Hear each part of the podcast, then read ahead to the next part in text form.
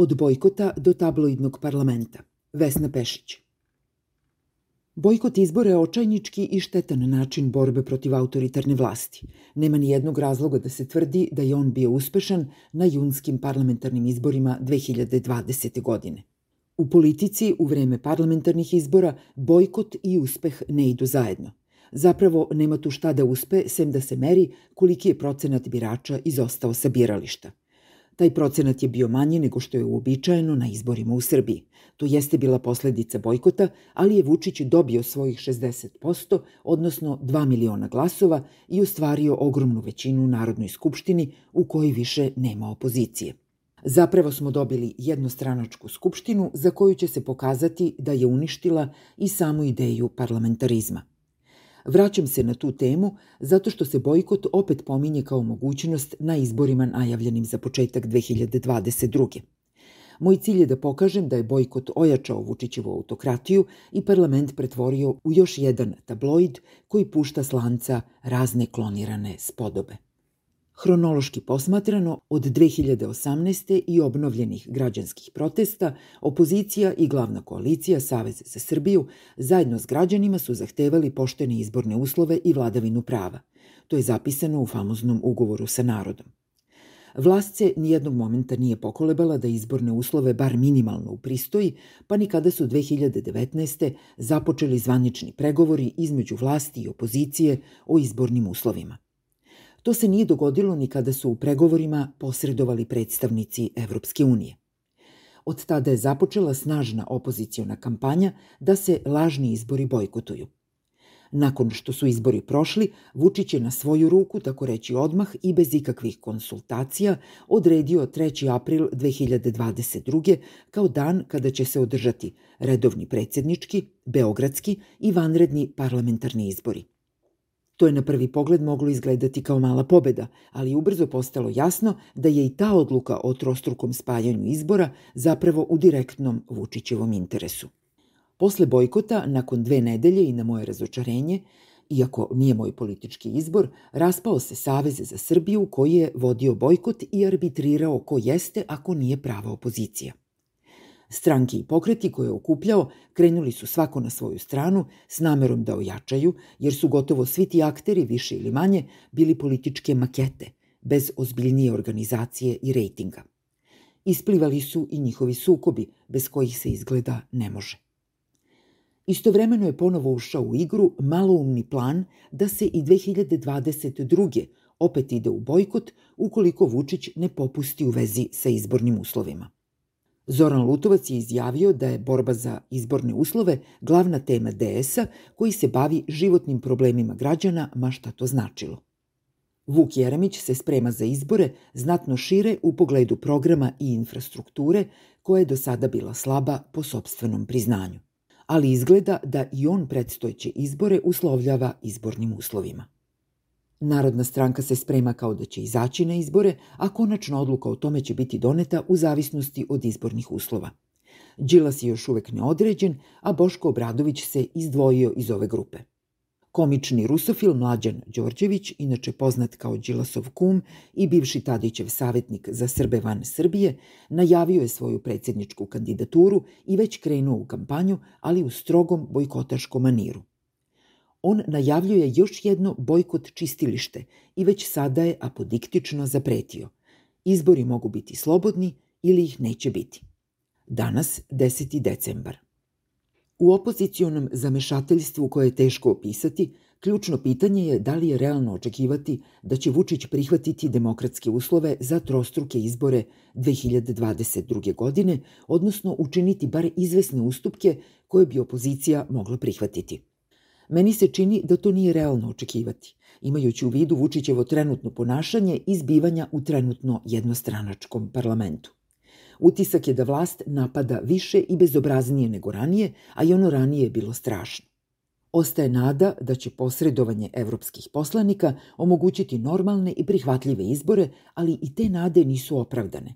Evropska unija ne može da obara autokratije i uvodi demokratiju, što potvrđuje i slučaj njenih članica koje su tim putem krenule, a Evropska unija nema sredstva da ih preobrati u demokratije.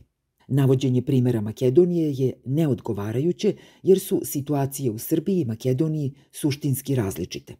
Treći način je nadati se nekom čudu, nepredvidivom faktoru slučajne prirode, što je uvek moguće, ali se o tome ne može unapred raspravljati. Četvrti način je da se ovo društvo i njegova opozicija sami izbore za demokratiju. Pomoć sa strane je dobrodošla. Ukoliko su dovoljno sposobni za tešku borbu sa Vučićevom vlašću. Ako se opozicija mora osloniti na sobstvene snage i snagu društva, to znači da o predstojećim izborima i borbi sa režimom treba razmišljati na novi način.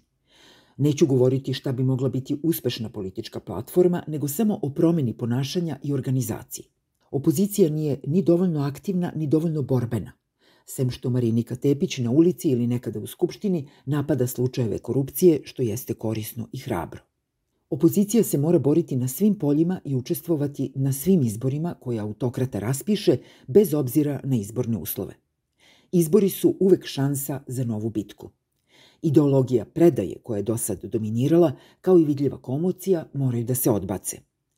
Nedostatak borbenosti se dobro video 7. jula kada su izbile spontane demonstracije i kada je policija masakrirala mlade demonstrante – Svi lideri opozicije su bili tamo i besprimerno izjavljivali da su tu došli kao obični građani, a zatim su neki od njih mirno otišli svojim kućama, odakle su kao i ostali građani gledali šta čini ogromna Vučićeva sila u obračunu sa demonstrantima. Povlačenje opozicije se više ne može tolerisati i kada je u pitanju neviđena i svakodnevna demonizacija Dragana Đilasa.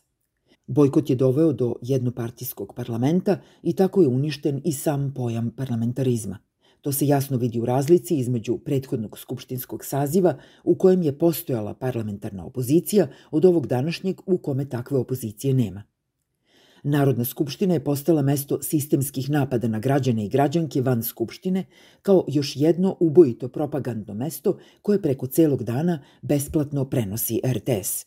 Nije to više ono staro prepucavanje između vlasti i opozicije, nego je sada u Skupštinu postavljen mitraljez koji mitraljira u glumce i javne ličnosti i za koga god stigne naređenje da se puca. Do sada su javne ličnosti kasapili tabloidi, a sada se stavljaju na skupštinski dnevni red. Nekada smo gledali SNS profesionalce kako vade papire i grafikone i kreću u napad na prisutne poslanike opozicije koji su na izmišljene napade mogli da odgovore.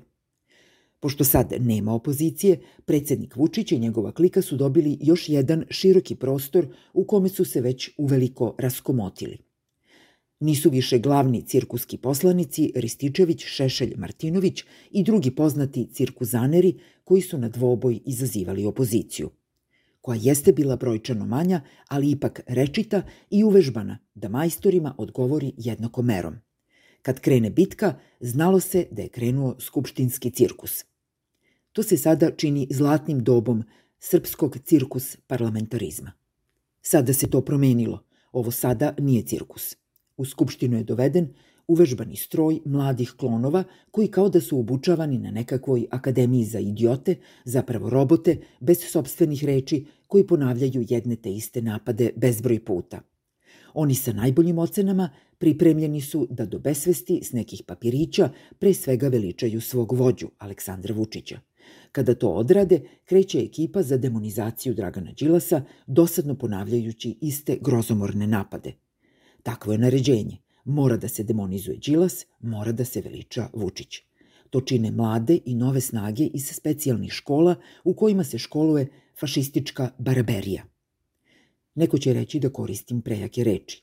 Kažem da su fašisti, tupađije i glupaci, jer svi moraju da govore po naređenju, da do neba uzdižu svoga vođu i do ludila pljuju po njegovom neprijatelju. Ti tupavci su odabrani da budu narodni poslanici po stepenu bezobzirnosti i poslušnosti. Ne pitaj ništa, radi što ti se kaže. Šta ti nije jasno? Ako radiš kako ti se kaže, dobit ćeš i sledeći mandat. Zaključak. Opozicija mora da radi punom parom pod svim izbornim uslovima i da se stavi na čelo otpora u svim situacijama. Jednom je iskoristila bojkot, to se ne radi dva puta. A ako se na tako nešto ipak odluči, ni nje više neće biti, ni ikog da je ožali. Bojkot je razgolitio vlast, ali je to skupo plaćeno totalnim uniženjem Narodne skupštine u kojoj sada caruju mali klonovi u fašističkom maniru. Svedena je na tabloidni nivo i ponizila je sve građane naše zemlje. Vlast je za predstojeće izbore dobila celodnevnu neplaćenu propagandu, a tu se po prirodi stvari udenuo Vučić koga čeka reizbor. Zato ga mali klonovi neprekidno veličaju kao jedinog i jedinstvenog vođu. Koga do sada nije zapamtio, od sada zauvek zna vođu Srbije i u pola noći. Znaju i ko je najstrašniji demon i koga treba obavezno izbegavati na glasačkom listiću. Opoziciji nije bio cilj da Skupština postane tabloidni mitraljez, ali se baš to dogodilo. Razgolićavanje Vučića bojkotom očigledno nije put. Ta karta je bila loša i potrošena je.